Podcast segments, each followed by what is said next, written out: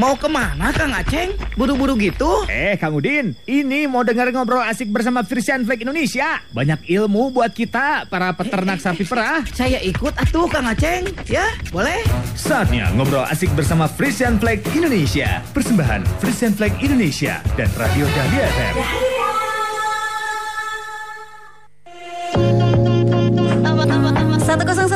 101,5 Dahlia FM Bandung Goyang Sik Asik. Assalamualaikum Wargi Dahlia. Selamat hari Jumat di tanggal 5 Juni 2020 Pastinya hadir lagi barengan sama Baby Alia malam ini ya Malam ini malamnya lumayan agak dingin warga Dahlia karena di kota Bandungnya sudah mulai diguyur hujan. Begitupun yang ada di Pangalengan dan juga di Lembang.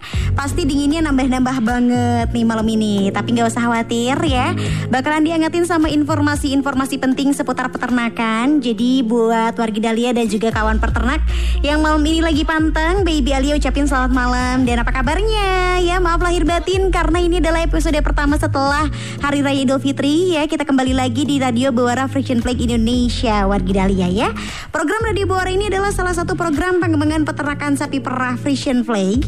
Yang pastinya program ini membantu untuk para peternak untuk memperoleh pengetahuan Terus juga mendapatkan pendidikan dan bantuan informasi agar susu yang dihasilkan dari ternaknya itu bisa lebih banyak dan juga berkualitas baik Wargi Dahlia. Karena harus ingat susu yang berkualitas berarti peternak dan juga keluarganya sejahtera Wargi Dahlia ya. Untuk yang gak bisa pantang pantang di 101,5 boleh pantang di Instagram juga karena kita lagi live Instagram juga nih biasanya yang di Jawa Timur ya. Lagi pada pantang lewat live Instagramnya Radio Dahlia di 101,5 Dahlia FM jangan lupa di follow langsung deh tonton live IG-nya sampai acaranya beres selama satu jam ke depan warga Dahlia ya masih dalam kondisi PSBB di daerah kota Bandungnya warga Dahlia jadi malam ini kita masih ngobrol-ngobrol dengan narasumber Baipon warga Dahlia dan pastinya malam ini ada dua narasumber yang luar biasa banget Tema kita malam ini adalah pentingnya menakar berat pakan untuk sapi kita. Wow, seberapa penting kira-kira? Kita ngobrol dulu bareng sama narasumber. Ini yang pertama ada Kang Rikrik Muhammad Rizky selaku GR di DP Extension Manager PT Precision Flag Indonesia. Wilujeng Wengi Kang Rikrik. Wilujeng Wengi Sadayana Wargi di Aduh. Jawa Barat di Lembang Pangalengan mm, dan sekitarnya. Iya maaf lahir batin Kang Rikrik. Oh iya sami-sami semuanya. Hmm, Alhamdulillah ya malam ini kita bisa ngariung lagi walaupun masih dalam keadaan pon ya Kang Rikrik ya. Betul. Oke siap pasti malam ini untuk memberikan informasi. Selain itu, selain ada Kang Rikrik, ada juga Kang Andri selaku penyuluh KPSBU Lembang Wilujeng Wengi. Kang Andri. Wilujeng Wengi, Kasadayana. Damang Kang Andri. Alhamdulillah. Alhamdulillah sehat. Boleh disapa dulu untuk kawan peternak yang ada di KPSBU Lembangnya Kang Andri. Wilujeng Wengi kacarayana peternak e, sapi perah anu ayah di Indonesia khususnya anu peternak anu ayah di Lembang sekarang Pangalengan tetap sehat walaupun lagi PSBB. Iya, harus sehat ya. Peternaknya sehat, sapinya juga harus sehat ya. Amin. Nah, ngomongin masalah kesehatan sapi, pastinya ini berhubungan dengan pakan yang diberikan kepada si sapinya itu sendiri. Nah, takarannya seperti apa dan seberapa penting menakar berat pakan untuk sapi kita? Malam ini kita akan bahas sama Kang Rikrik dan juga Kang Andri. Kang Rikrik, untuk menakar ya. pakan ini kan sebenarnya merupakan pekerjaan yang mudah ya Kang ya. Tapi kenapa sih Kang ini malam ini penting banget untuk kita bahas menjadikan tema di Bawara FFI ini? Ya sebetulnya kan eh, persoalan pakan ini kan eh, cabangnya banyak ya ke mana-mana hmm. gitu. Nah salah satu materi yang memang bisa kita bagi di dalam media radio karena ada beberapa materi juga harus bertemu langsung ya. Yeah. Nah salah satunya yang bisa dibagi dengan media radio itu adalah eh, sub pakan sub tema pakan yaitu menakar. Nah sebenarnya kenapa sih menakar ini kok terlihat mudah tapi kok dibahas gitu ya? Tapi uh-huh. justru dasar dari semua ilmu pakan itu ada di takar sebenarnya dan itu menjadi salah satu kurang atau uh, salah satu titik yang harus kita perbaiki di peternakan di Indonesia gitu. Mm. Karena kalau tidak ada menakar sebetulnya ilmu setinggi apa pun tentang pakan tidak akan bisa diterapkan gitu. Oke, luar biasa. Nah, Kang Andri kalau misalkan di lapangan sendiri di KPSBU Lembang untuk penakaran pakan ini seperti apa yang sudah dilakukan oleh para peternak kondisinya di lapangan?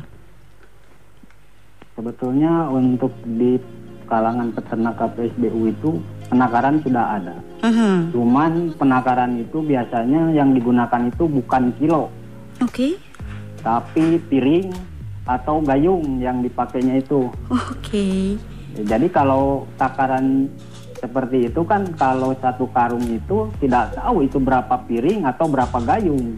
Mhm, Iya iya iya, betul. Tapi kan kalau di kilo itu pasti eh, berat satu karung itu 50 kilo. Hmm, oke. Mengenai penakaran pakan dari pengalaman Kang Andri sendiri nih, ada dampak positif apa yang sudah pernah dirasakan dengan eh, takaran pakan pakan yang baik untuk sapi? Untuk dampak positifnya yang sudah saya laksanakan di kandang khususnya kandang saya sendiri gitu ya. Mhm. Yang pertama itu pakan untuk 15 hari itu harus cukup dan harus cukup gitu kan kalau ditakar per kilo pasti ketemu gitu nggak nggak nggak kurang nggak lebih Mhm. kalau satu ekor sapi harus dikasih 3 kilo harus 3 kilo gitu jadi pasti ketemu pasti pasti ngepas lah kalau dibuat lima untuk 15 hari Oke. Kak Kang Rikrik boleh dipaparkan kembali kalau menurut Kang Rikrik sendiri dampak positif yang lain dengan penakaran pakan yang baik itu seperti apa Kang dampak positifnya? Nah sebenarnya saya ingin balik lagi ke basicnya ya ke dasarnya. Jadi Mhm. menakar pakan di sini sebetulnya memang banyak dilakukan oleh peternak dari sisi. Jadi kalau ditanya berapa banyak kang ngasih ke sapi dua piring, tiga piring gitu ya rata-rata. Nah, Saya kenapa sih kita eh, yang dimaksud ditakar di sini adalah mangga bapak-bapak ibu-ibu eh, melakukan penakaran dengan piring pada saat melakukan sehari-hari gitu ya. Eh, tetapi kita harus tahu persis satu piring yang kita berikan itu sebetulnya berapa kilo gitu. Hmm. Karena sapi tidak mengenal satuan piring kebutuhannya. Sapi itu kebutuhannya ya sapi dengan karakteristik produksi sekian itu butuhnya sekian kilo kalau kita hitung gitu ya. Hmm. Nah kilo ini yang sebetulnya menjadi patokan kita. Eh, kita harus tahu sebetulnya pakan yang diberikan ke sapi kita itu sehari-hari itu berapa kilo. Nah Kang kalau di, kalau ditimbang tiap hari kan ribet. Nah makanya Iya. wadah yang kita pakai itu kita harus tahu berapa gitu. Hmm. Jadi misalkan, nah saya di sini sangat menyarankan untuk memakai wadah yang eh, bentuknya tidak datar seperti piring, tetapi lebih ke tertut eh, mengerucut ke atas seperti gayung. Karena Oke. seperti piring itu kan piring muncung sama piring kalau kita ngambil satu piring itu kalau muncung sama rata kan beda Iya. beda kilogramnya. Iya, betul. Tetapi kalau sama gayung satu gayung diratakan atasnya itu pasti sama gitu. Hmm, oke. Eh, jadi saya menyarankan misalkan pakai gayung atau pakai ember cat bekas ya. Jadi yang permukaannya seperti gelas lah gitu ya. Jadi bukan rata seperti piring. Nah, Hmm. Bu, eh, nanti langkah-langkahnya seperti apa? Sebetulnya di di drama juga nanti dibahas. Tapi Iya. intinya setiap pakan yang dibeli oleh kita itu pada dasarnya memu- memiliki berat jenis, Kang namanya, bapak-bapak, ibu-ibu. Jadi manakala kita membeli pakan A dan pakan B itu dalam satu ki- dalam satu gayung itu mungkin akan berbeda kilogramnya. Jadi Iya. tidak misalkan, Kang saya sudah menakar konsentrat satu gayung itu sekilo. Tetapi manakala kita menakar hampas tahu itu akan berbeda, tidak mungkin satu kilo gitu. Hmm. Nah itu namanya berat jenis. Jadi berat identik yang dimiliki oleh setiap eh, zat yang ada di, di bumi ini gitu ya. Oh, Jangankan pakannya berbeda, pakannya sama pun tetapi beda produksi itu akan berbeda. Misalkan konsentrat yang datang hari ini diantar oleh koperasi misalkan beratnya pasti 50 kg. Hmm. Hanya mungkin volume karungnya akan berbeda. Pada saat kita timbang dalam satu gayung, hari ini mungkin sekilo. Iya. Pada saat kedatangan berikutnya, mungkin satu gayung akan satu kilo setengah atau malah kurang 800 gram. Atau Kang kalau gitu mah, eh, berarti satu karung nggak 50 kilo, tetap 50 kilo. Tapi Iya. mungkin karungnya akan berbeda nanti. Hmm. Kalau yang satu gayungnya sekilo, mungkin karungnya agak agak langsing gitu ya. Iya, iya, iya. Tapi manakala kita menemukan konsentrat yang satu gayungnya misalkan hanya 8 on, itu pasti karungnya gede gitu. Hmm, Jadi tetap koperasi itu akan memberikan 50 kilo, tapi dalam wadah yang sama, yaitu misalkan gayung tadi, Mhm. manakala kita timbang berbagai jenis pakan itu akan berbeda gitu. Nah itu yang paling penting. Sementara sapi itu butuhnya bukan sapi A butuh pakan dua gayung tidak, Iya. tapi kilo gitu. Oh, Jadi setidaknya kalau kita sudah mengetahui, misalkan gayung yang kita pakai ini untuk konsentrat kedatangan hari ini adalah satu gayung misalkan 8 on. Mhm. Sementara sapi saya yang ini jatahnya 2 kilo, ya berarti tinggal dua gayung setengah gitu loh. Iya, iya, iya. Nah manakala konsentrat yang nanti datang tiba-tiba satu gayungnya satu kilo, berarti ngasihnya bukan lagi dua gayung setengah, melainkan dua gayung gitu. Oke, oke, Nah, oke. yang Kang Andri lakukan itu seperti itu. Jadi setiap ada kedatangan pakan, Kang Andri menakar satu gayungnya berapa. Gitu. Tak, jadi tidak harus setiap ngasih pakan ke sapi ditakar, tidak. Hmm. Yang penting setiap datang pakan yang sama ditakar ya sudah nanti kalau pakan tersebut datang lagi kita takar lagi. Jadi kita tahu itu pasti berbeda-beda gitu. Oh iya, iya, oke. Itu sih yang dimaksudnya gitu. Oke, Kang Andri ada yang mau ditambahkan? Ya itu betul sekali kata Kang Rikri. Sebetulnya menakar itu tidak perlu setiap kali kita harus memberi makan itu ditakar, tidak usah. Hmm. Jadi kita cukup menakar itu pas waktu awal konsentrat itu datang. Sekilonya itu misalkan kata Kang Rikri itu se- segayungnya apakah muncung atau hanya mahpar gitu. Ya. Kalau ketemu satu kilonya segitu gampang kita tinggal memberinya itu eh, kalau tiga kilo tiga gayung Mhm. cukup ngilonya ngilonya itu cukup random satu kali aja Hmm, Gitu. Oke. betul sekali kata Kang Rikri tadi jadi lebih mudah lah Iya, iya, oke, oke, baiklah. Seperti kata Kang Rikri tadi, ya, akan dibahas lebih jelasnya lagi di slot mini drama yang bakalan Baby Alia putar sebentar lagi. Jadi wargi Dahlia, para peternak jangan ke mana-mana dulu, panteng terus di Radio Bawara Fresh Flag Indonesia. Sebentar lagi ada mini drama dari Mangwara yang pastinya sangat bermanfaat sekali untuk kawan peternak ya. Jangan lupa kirimkan SM, eh, WhatsApp-nya di 085521111015. Sekali lagi di 085521111015 untuk kirimkan pertanyaan seputar peternakan di Radio Bawara Fresh Flag Indonesia. Dan nanti juga akan ada kuis dari Radio Bawara Fresh Flag Indonesia di 73028. Jadi jangan ke mana-mana, tetap di Radio Bawara Fresh Flag Indonesia. 101,5 Dahlia FM. Dahlia FM. Dahlia FM. Radio nomor 1 di Bandung. Buru-buru amat, Kang. Mau ke mana atuh? Sini kita ngopi dulu. Iya Kang, biasa. Ini kan baru terima pakan dari koperasi. Biasanya saya takar dulu pakannya. Hah? Maksudnya gimana, Kang? Kan udah jelas di tulisannya di karung. Berat 50 kilo. Apalagi yang perlu ditakar atau ditimbang, Kang? Jadi gini Kang, saya pernah ikut penyuluhan bahwa pakan yang kita pakai itu mempunyai berat jenis yang berbeda. Maksudnya, walaupun pakannya sama, tapi dalam satu wadah yang sama, belum tentu beratnya sama Kang. Nah kalau begitu kan kita perlu tahu beratnya, agar sapi kita mendapatkan jatah pakan yang sesuai Kang. Waduh, masih bingung saya, euy. Mending saya ikut ke kandang Akang atuh ya. Saya mau lihat, sekalian mau belajar. Hayu atuh. Ayo lah, saya mah seneng kalau bisa bantu. Jadi gini Kang tahapannya. Yang pertama, misalkan kita punya konsentrat dari pengiriman yang lalu dan pengiriman yang sekarang. Yang kedua, kita masukkan ke dalam wadah yang sama, misalkan kaleng bekas cat 5 kilo atau gayung mandi Kang, kayak punya saya gini nih. Yang ketiga, lalu pindahkan ke kantong plastik agar mudah ditimbang. Yang keempat, tuh kan, beda beratnya kan? Dalam satu gayung yang sama Kang. Konsentrat pengiriman yang lama beratnya 1 kilo Kang. Sedangkan konsentrat yang baru datangnya hanya sekitar 8 ons. Dan yang kelima, berarti pemberian pakan ke sapi tidak boleh sama persis satu gayung Kang. Tapi harus dilebihin agar produksinya stabil. Oh, gitu ya, Kang. Iya, iya, benar juga. Tapi kalau isi satu karung mah tetap sama kan ya, Kang? Dengan 50 kilo? Iya sama Kang. Yang membedakan biasanya adalah besaran karungnya. Kalau ditimbang mah sama 50 kilo. Paham saya, Kang, sekarang mah. Mantap. Langsung akan saya tiru. Kita menakar seperti ini tidak perlu setiap hari Kang. Cukup pas pakan kita datang aja. Jadi kita tahu takarannya sama. Dikurangi atau ditambahkan.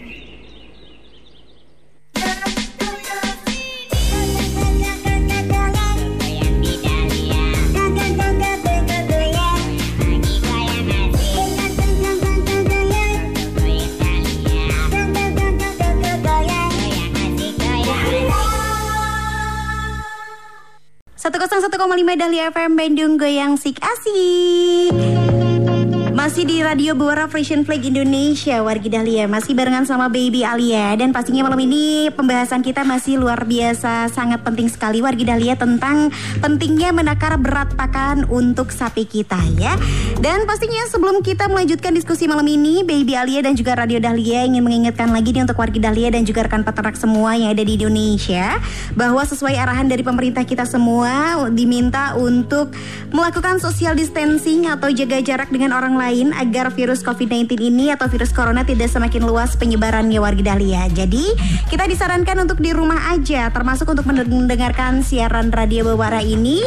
Untuk di rumah dulu aja, jangan dulu ngariung ya kawan peternak dan pastinya dengarkan siaran radio Bawara ini bersama keluarga saja di rumah masing-masing. Nah jangan lupa nih kalau memang merasa sedang tidak sehat, sebaiknya tidak memaksakan untuk bekerja atau menyetor susu kawan peternak. Terus kalau memang harus keluar rumah, misalkan untuk melakukan penyetoran susu ke MCP atau TPK itu selalu pakai masker, penutup hidung dan juga mulut kawan peternak. Terus jangan berkumpul setelah penyetoran susu, segera langsung pulang untuk mengurangi potensi penyebaran virus COVID-19 ini. Terus jangan lupa cuci tangan sebelum dan sesudah memerah dan setor susu dengan menggunakan sabun ya. Konsumsi makanan sehat dan juga minuman uh, minum susu agar badan lebih bugar dan juga tidak mudah sakit. Jadi kawan peternak juga butuh untuk minum susu. Nih ya jangan cuma meres susu hanya aja. Jadi harus minum susu juga biar tetap sehat ya. Demi kebaikan dan juga keselamatan bersama jadi ayo kita patuhi himbauan pemerintah untuk di rumah aja bukan berarti tidak gaul. Tidak ketemu sama teman atau saudara juga bukan berarti bermusuhan dan tidak mudik juga bukan berarti tidak keren warga Dahlia. Jaga diri lebih aman kalau terpaksa harus keluar ya harus jaga kesehatan dan juga kebersihan ya kawan peternak yes. Dan pastinya kita lanjutkan lagi untuk obrolan kita malam ini mengenai pentingnya menakar berat pakan untuk sapi kita. Nah, jangan lupa nih ya, kalau kawan peternak tahu nggak sih kalau kekurangan jumlah pakan yang sesuai untuk sapi itu bisa mengakibatkan masalah pada rumen sapi dan akan mempengaruhi produktivitasnya. Bener apa enggak nih? Makanya kita bakalan ngobrol lagi sama Kang Rikrik dan juga Kang Andri. Kang Rikrik, Kang Andri. Ya. Oke, okay, masih ada ya. Kang Rikrik, sebetulnya apa sih yang akan terjadi kalau penakaran ini tidak rajin dilakukan oleh para peternak? Nah, sebaiknya para peternak ini menakar setiap akan memberikan pakan atau seperti apa Kang yang lebih baiknya? Nah, yang tadi disebutkan bersama bahwa tidak perlu setiap mau memberikan pakan ya. Yang hmm. penting pada saat pakan baru tiba di kandang ya diambil acak aja e, ditimbang gitu. Memang sesering mungkin se lebih baik ya tapi sederhananya ya pokoknya setiap kedatangan aja nah sebenarnya mm-hmm. manfaat dan uh, kerugiannya apa sih jika melakukan jika tidak melakukan gitu ya yeah. Nah intinya sebetulnya kalau kita tidak rajin melakukan penakaran, pada akhirnya kita tidak akan pernah tahu berapa berat pakan yang kita berikan ke sapi kita. Berat ya, bukan piring gitu. Jadi mm-hmm. setiap kali saya bertanya, kebanyakan ke peternak, Pak ini di sapi ini konsentrat berapa kilo? Ya pokoknya mah empat piring lah pak kurang lebih sekian kilo gitu. Nah, yeah. kalau dengan sering menakar seperti ini dia akan tahu persis, oh sapi ini 3 kilo, sapi ini 4 kilo. Nah, efek ke sananya produksi insya Allah relatif lebih stabil, relatif ya. Jadi sapi tidak akan lagi mendapatkan kurang gitu. Uh-huh. Nah, apa sih yang terjadi jika sapi mendapatkan kurang? Ya produksi turun gitu ya. Hmm. Tetapi apa sih e, juga sebaliknya kalau sapi terlalu banyak menerima pakan juga sapinya mah ya senang-senang aja ya kitanya yang rugi gitu. Jadi sebetulnya yang tadi saya bilang ilmu perpakanan ini dasarnya adalah dari menakar dulu karena ilmu pakan itu ke sananya itu akan banyak menghitung. Nah menghitung itu dasarnya dari mana? Adalah dari berapa jumlah yang kita berikan gitu. Nanti akan kita bisa ketahui sapi ini butuh berapa, nutrisinya apa, itu bisa ke sana. Tapi kalau kita tanpa menakar, kita tidak akan pernah tahu sebetulnya sapi ini dapat berapa dan butuhnya berapa gitu. Oke, berarti menakar pakan ini uh, korelasinya atau hubungannya dengan efisiensi biaya dan juga untuk produksi produktivitas dari susu sapinya sendiri ya? Ya, betul. Iya, oke okay, baik. Kang Andri, boleh dijelaskan lebih rinci nggak sih gimana cara menakar pakan yang baik dan juga dan benar gitu Kang Andri. Terus kalau masalah penakaran pakan ini apa termasuk rumput juga harus ditakar untuk penakarannya seperti apa Kang? Oke. Eh, sedikit saya akan menjelaskan tata cara menakar konsentrat dulu ya. Yes, boleh silakan Kang. Ini kalau eh, menakar konsentrat se- sesudahnya datang konsentrat dari KPSBU atau dari koperasi, saya itu suka di random, Mhm. ya di random di kilo, di kilo. Saya mau buat sendiri kiloannya, eh itunya eh, gayungnya, Wadahnya. Oh, wadahnya. Jadi dibuat eh, dari apa tuh kaleng cat Mhm. tembok yang 5 kilo itu dibelah jadi dua. Jadi kan gampang itu jadi disuduk lah bahasa Sunda mah Iya. gampang. Nah, di- dibuat itu di setelah disuduk itu dimasukkan ke dalam plastik. Nah, dimasuk, dimasukkan ke plastik itu diambil Mhm. satu siduk itu kira-kira berapa kilo? Apakah satu kilo kurang atau satu kilo lebih? Nah, dibikin satu kilo pas. Nah, pasnya segimana? Nah, kalau kalau udah ketemu pasnya segimana, tinggal eh, kita memberikannya itu bukan eh, nggak di kilo lagi, di, disuduk aja. Kalau tiga kilo berarti tiga siduk. Hmm, Gitu oke. sih. Kalau untuk Nah. penakaran rumputnya sendiri apa yang dilakukan Kang Andri? Kalau rumput sih Kak, di di tempat saya itu bu- bukan dipikul tapi apalah namanya tuh dibengket ya namanya Oke, tuh. perikat ya jadinya. diikat, diikat Mhm. satu ikat itu saya pernah ngilo itu satu ekor itu dikasih satu ikat besar Mhm. eh, 60 kilo. Oke. 60 kilo itu dibuat tiga kali ngasih. Jadi satu kali ngasih itu sebelum ngasih konsentrat 10 kilo dan se- setelah memberikan konsentrat nanti beri lagi rumput diberi lagi 10 kilo tapi nggak nggak nggak setiap ngasih di kilo. Cuman random aja satu satu ikatnya itu Oke, Kang Andri pasti sebelum Kang Andri mengalami ataupun sebelum sekarang rutin untuk menakar pakan gitu ya, pra- pasti dulu pernah eh, tanpa takaran si pakannya. Ada hal yang berbeda nggak pengalaman yang berbeda gitu ketika dulu belum belum pernah ditakar, sekarang sudah mulai ditakar, perbedaan yang signifikannya seperti apa untuk peternakan Kang Andri sendiri? saya melakukan penakaran itu udah sekitar 8 atau 9 bulan lah Ya. mulainya itu. Nah dari semenjak itu saya nggak pernah 15 hari itu nggak pernah eh, pas waktu datang konsentrat sebelum datang itu ud- udah habis itu nggak pernah saya jadi dibuat 15 hari itu harus pas. Oke. Jadi si sapi itu selama 15 hari itu nutrisi per harinya itu masuknya sama dari awal konsentrat datang sampai konsentrat mau datang kembali itu sama nggak kan di, di peternak sekarang itu kalau takaran yang sekarang itu kan pakai gayung atau pakai piring Ya. banyak banyak cerita-cerita sebelum kedatangan konsentrat per 15 hari itu baru 12 hari atau 13 hari konsentratnya udah nggak ini udah, Udah udah habis. habis. Hmm, ya ya. Nah itu kan efek ke sapinya yang pertama jadi stres Ya. karena dia biasanya dikasih konsentrat selama dua hari itu dia kan nggak makan konsentrat. Iya. Terus yang kedua eh, susunya itu langsung turun drastis Oke.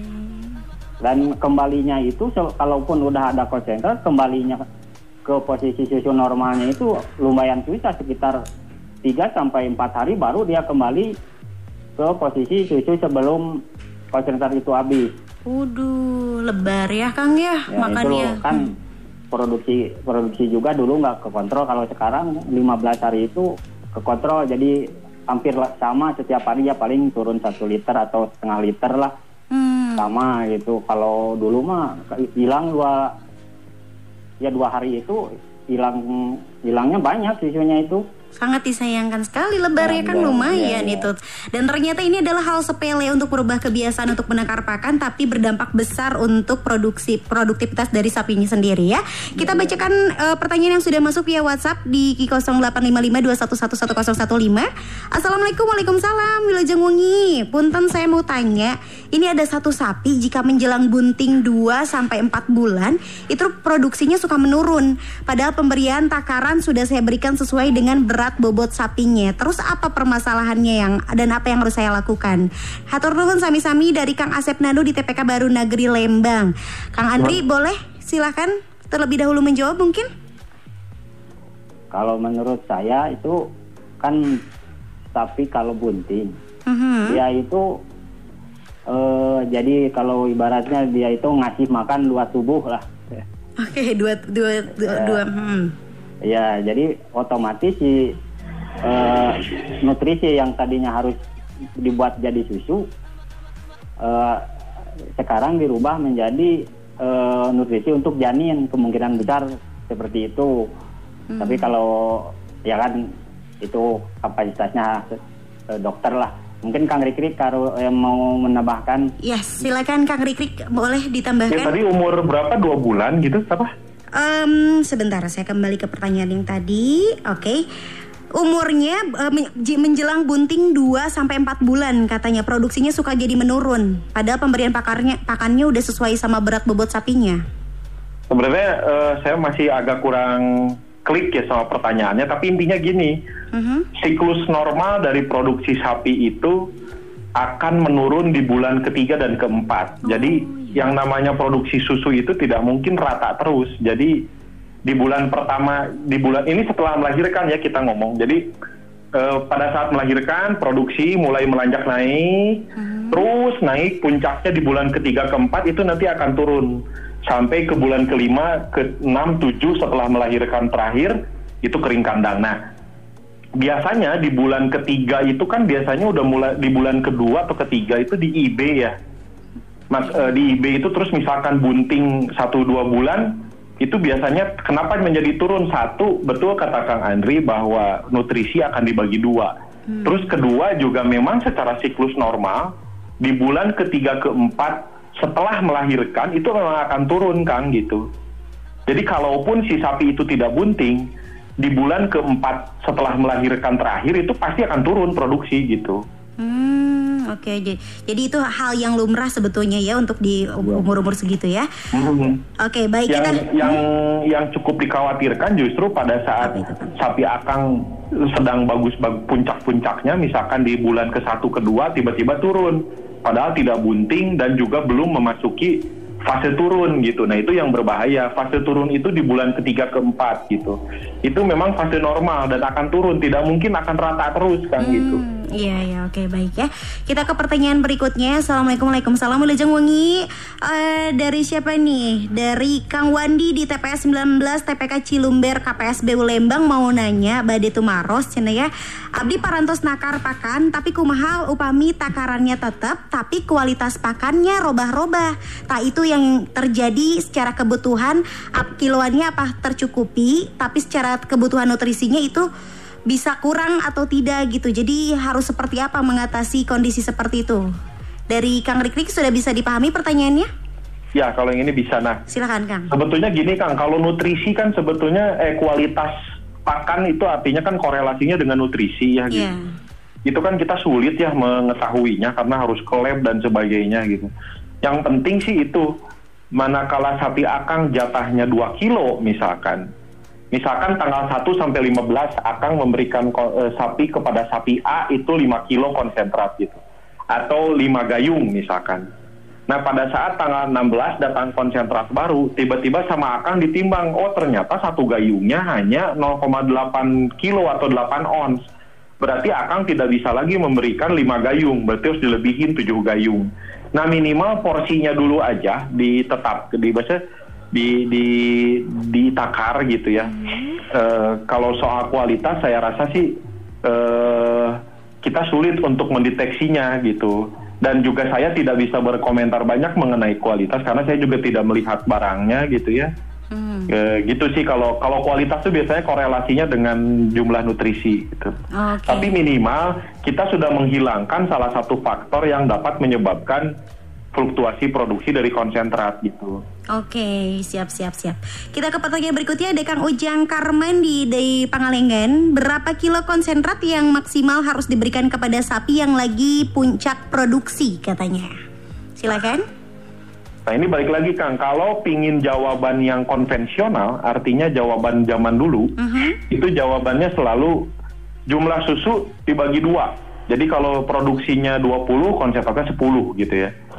Itu tidak ada salahnya, tapi juga tidak sepenuhnya benar karena apa namanya sebetulnya harusnya dihitung gitu. Cuman menghitungnya ini juga tidak mudah, tidak bisa dijelaskan di radio gitu.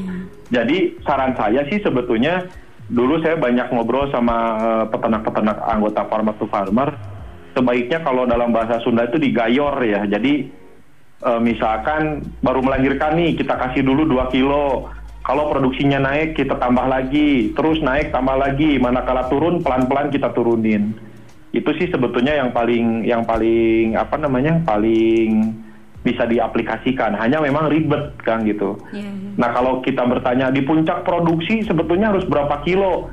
Pau satu Pau Jangkarman juga nggak nggak ngomong produksinya berapa gitu. Jadi eh, relatif sebetulnya tergantung jumlah produksinya gitu. Nah tapi memang kalau ingin mudahnya ya kita pakai cara perhitungan zaman dulu jumlah susu dibagi dua, nah itu jumlah konsentratnya. Walaupun tidak 100% benar itu gitu. Oke, baik. Kang Andri ada yang mau ditambahkan?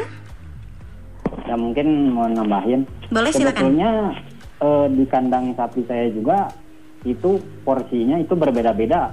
Mhm. Kalau saya itu diterapkannya yang disebut eh, susu ngudang konsentrat kalau bahasa Sunda nama. Eh, itu digayor deh akangnya. Eh, kon- konsentrat eh, ngejar susu gitu dibalik. Jadi kalau susu susunya banyak, konsentratnya saya juga kasih banyak. Jadi contoh sapi yang saya itu ada yang keluar susunya 20 liter.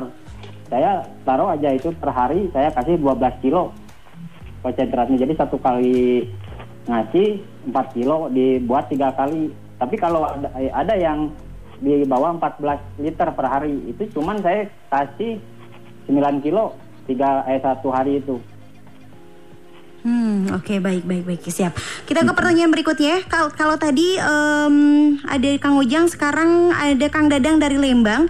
Mau tanya seberapa banyak takaran pemberian pakan antara hijauan dan konsentrat? Itu perbandingannya seberapa banyak untuk sapi yang laktasi? Terima kasih sama-sama. Silakan dari Kang Rikrik terlebih dahulu mau menjawab. Nah, Kang Dadang mah ini ngetes nih, padahal dia udah tahu nih. Aduh.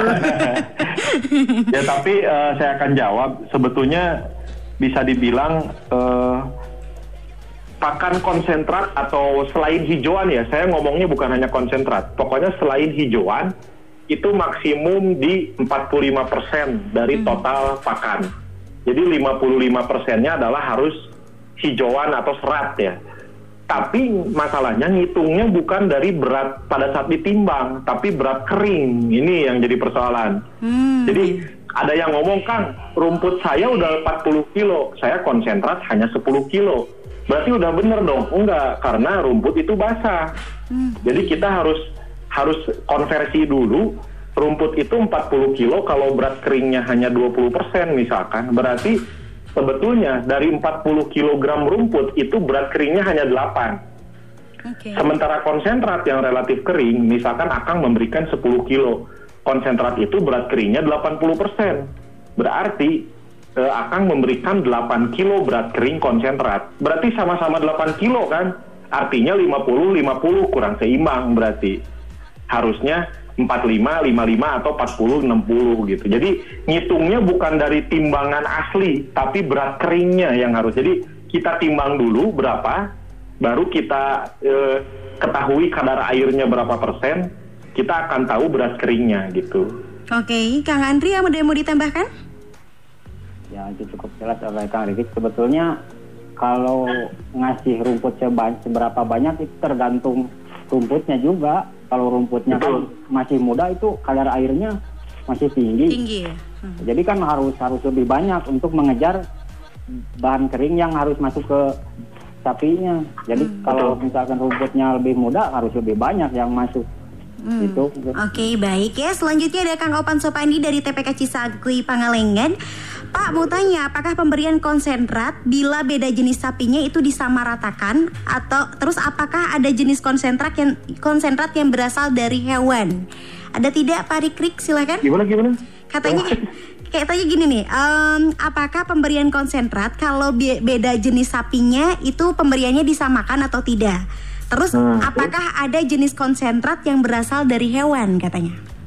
Nah, nah, kalau beda jenis sapi sebetulnya bukan bergantung pada jenis sapi, Kang. Sepanjang sapi itu, eh, tapi dari jenis komoditasnya, maksudnya dag- pedaging atau susu.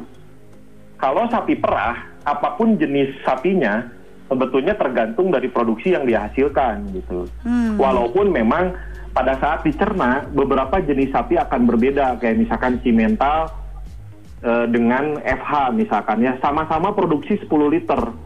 Tapi manakala akan memberikan konsentrat sama-sama 10 kilo, kalau FH dari 10 kilo misal 8 kilo jadi susu, 2 kilo jadi daging. Kalau simental karena dia secara genetis adalah sapi pedaging, mungkin dari 10 kilo konsentrat itu 5 kilo jadi susu, 5 kilo jadi daging. Gitu aja sih sebenarnya bedanya. Hmm, Nah, pertanyaan kedua, apakah ada konsentrat yang dibuat dari hewan, hewan. gitu ya? Iya. Sejauh ini sih yang saya tahu paling dari tepung ikan ya. Oke. Hanya tepung ikan juga tidak bisa terlalu banyak dicampurkan ke dalam konsentrat. Memang proteinnya tinggi, tapi jika diberikan ke dalam konsentrat lebih dari 5%, itu sapi tidak mau makan karena hanyir. Hmm, iya iya. iya. Jadi baunya yang sebenarnya secara kualitas oke, secara nutrisi bagus. Bagus ya. Tapi percuma kalau sapi nggak mau makan gitu. Hmm, oke oke. Dulu baik. juga sempat ada juga ada beberapa pakan dari komoditas hewan dulu sempat rame yang namanya tepung tulang atau tepung darah. Hmm, oke. Itu bagus, tapi ternyata menyebabkan penyakit eh, ke dalam si genetis dari sapinya sendiri karena itu mengandung beberapa penyakit lah gitu ya. Jadi Hmm. sebenarnya makanya eh, konsentrat dari komoditas hewan kurang begitu berkembang. Yang saat ini masih banyak dipakai sih tepung ikan, tapi jumlahnya sangat sedikit gitu. Oke, baik-baik ya. Kang Andri, ada yang mau ditambahkan? Ya yang untuk pertanyaan yang pertama itu kalau diratakan pemberian konsentratnya itu kasihan yang susunya banyak tapi konsentratnya sama dengan susu sapinya yang Yang sedikit, Sedikit. ya. Hmm. yang kedua pasti itu akan merugikan di peternakan itu soalnya sapi yang susunya sedikit tapi dikasih konsentratnya banyak kan menghasilkan sedikit tapi biaya lebih banyak yang masuk mending Iya. Betul. Men- menurut saya mah mending di ya susu banyak kasih banyak kalau susu sedikit ya kasih sedikit Oh, kalau itu bisnis di susu kalau kecuali kalau kalau bisnis di daging gitu. Hmm. Ya, beda lagi. Kecuali kalau di bisnis di sapi potong gitu ya. iya iya iya. Hmm, Oke baik ya. Sebentar lagi kita bakalan buka line telepon untuk kuis di 73028 Ingat ya di 73028 Jadi kawan peternak jangan dulu ke mana-mana. Dan juga wargi Dahlia jangan ke mana-mana. Tetap di Radio Bewara Frisian Flag Indonesia. Prun ah go go go goyah 101,5 Dahlia FM Bandung Goyang Sik Asik. Masih bareng sama Baby Alia Pastinya di Radio Bawara Fashion Flag Indonesia janjinya Baby Alia tadi Bakalan angkatin line telepon untuk kuis di 73028 ya Untuk dua orang pemenang malam ini. Dan pastinya pertanyaan kuisnya siap-siap seputar tadi yang sudah dibahas di awal-awal Barengan sama Kang Rikrik dan juga Kang Andri ya. Jangan lupa telepon dulu Dan kalau Baby Alia bilang Radio Bora Fashion Flag Indonesia Jawabnya asik atuh. Siap ya ada siapa? Coba Halo Radio Bora Fashion Flag Indonesia. Asik atuh. Prung ah Tung ah go go go goyang Sama siapa di mana baby? dengan Mardi di Sadang. Kang Mardi? Ya. Oke Kang Mardi pertanyaannya siap ya? Ya. Bagaimana cara menakar pakan yang baik dan benar untuk sapi perah kita?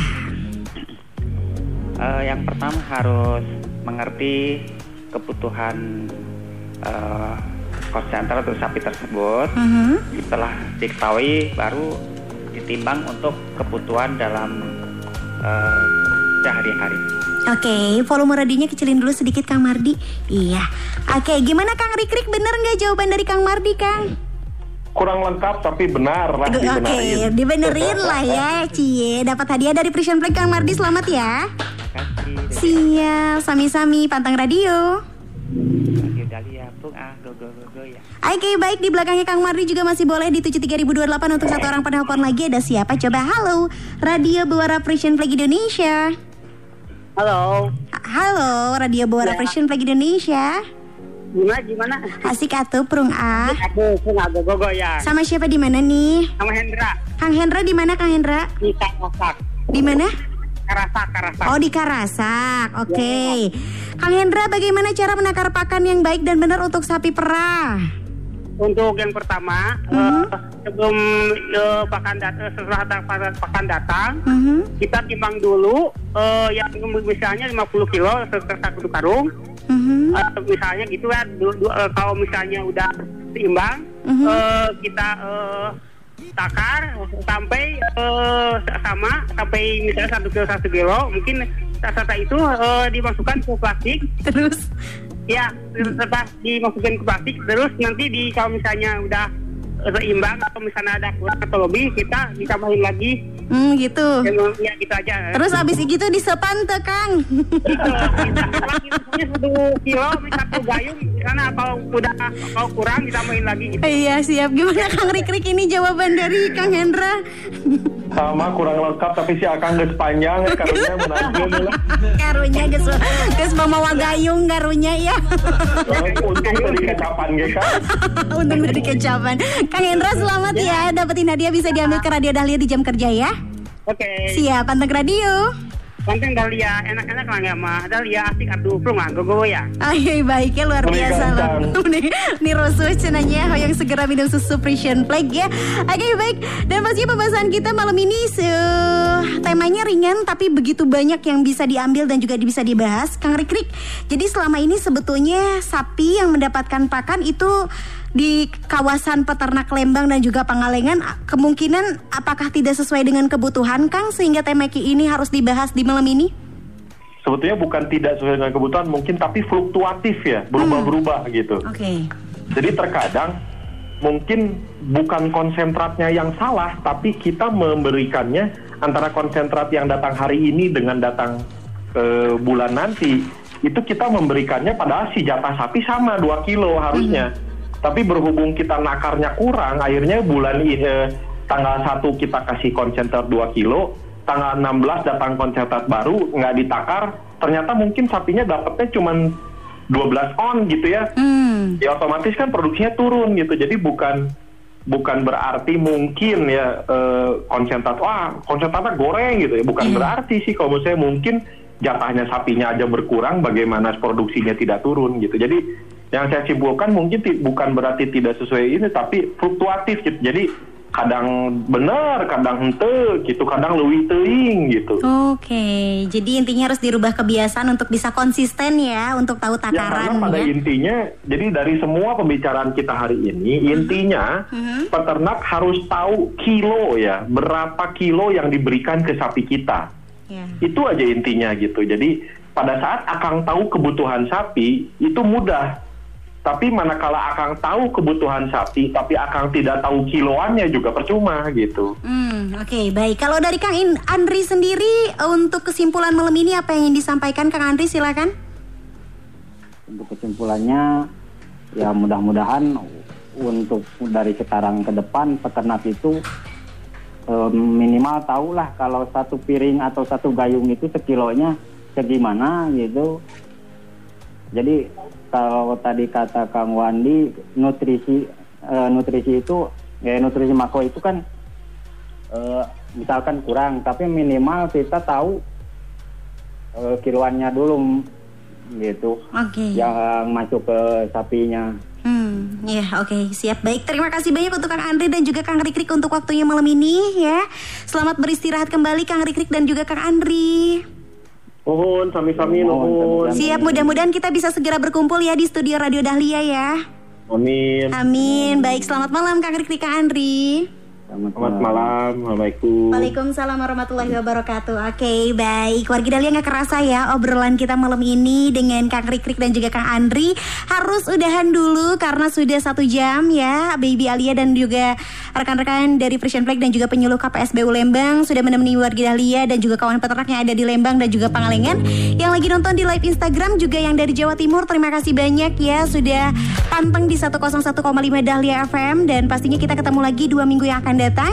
Semua hal yang disampaikan oleh narasumber ini telah dilakukan oleh banyak peternak dengan hasil yang baik. Jadi tinggal bagaimana peternak Indonesia berani dan mau mencobanya dan lakukan perubahan secara bertahap wargi Dahlia. Jangan lupa tunggu lagi kehadiran Radio Buara pada tanggal 19 Juni 2020. Nah, semoga pembahasan kita kali ini dapat diserap dan juga bermanfaat untuk kawan peternak semuanya. Jangan lupa juga ajak peternak lain untuk ikut mendengarkan Radio Bu- Radio Buara Free Flag Indonesia di 101,5 Dahlia FM.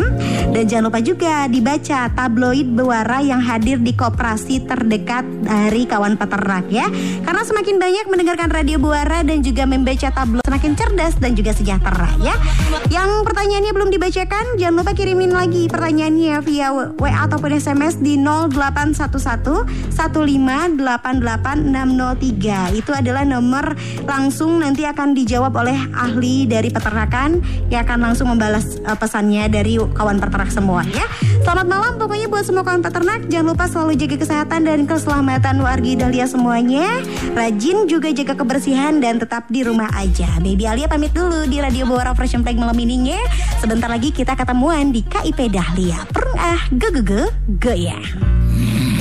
Kang Udin, Kang Udin. Mo. Kang Udin mah, hayu atuh Kang pulang. Ngobrol asik bersama Frisian Flag Indonesia-nya udahan. Terus gimana tuh saya? Tenang, ngobrol asik barengan Frisian Flag Indonesia bakalan balik lagi tiap hari Jumat dua minggu sekali. Persembahan Frisian Flag Indonesia dan Radio Dahlia FM. Dahlia.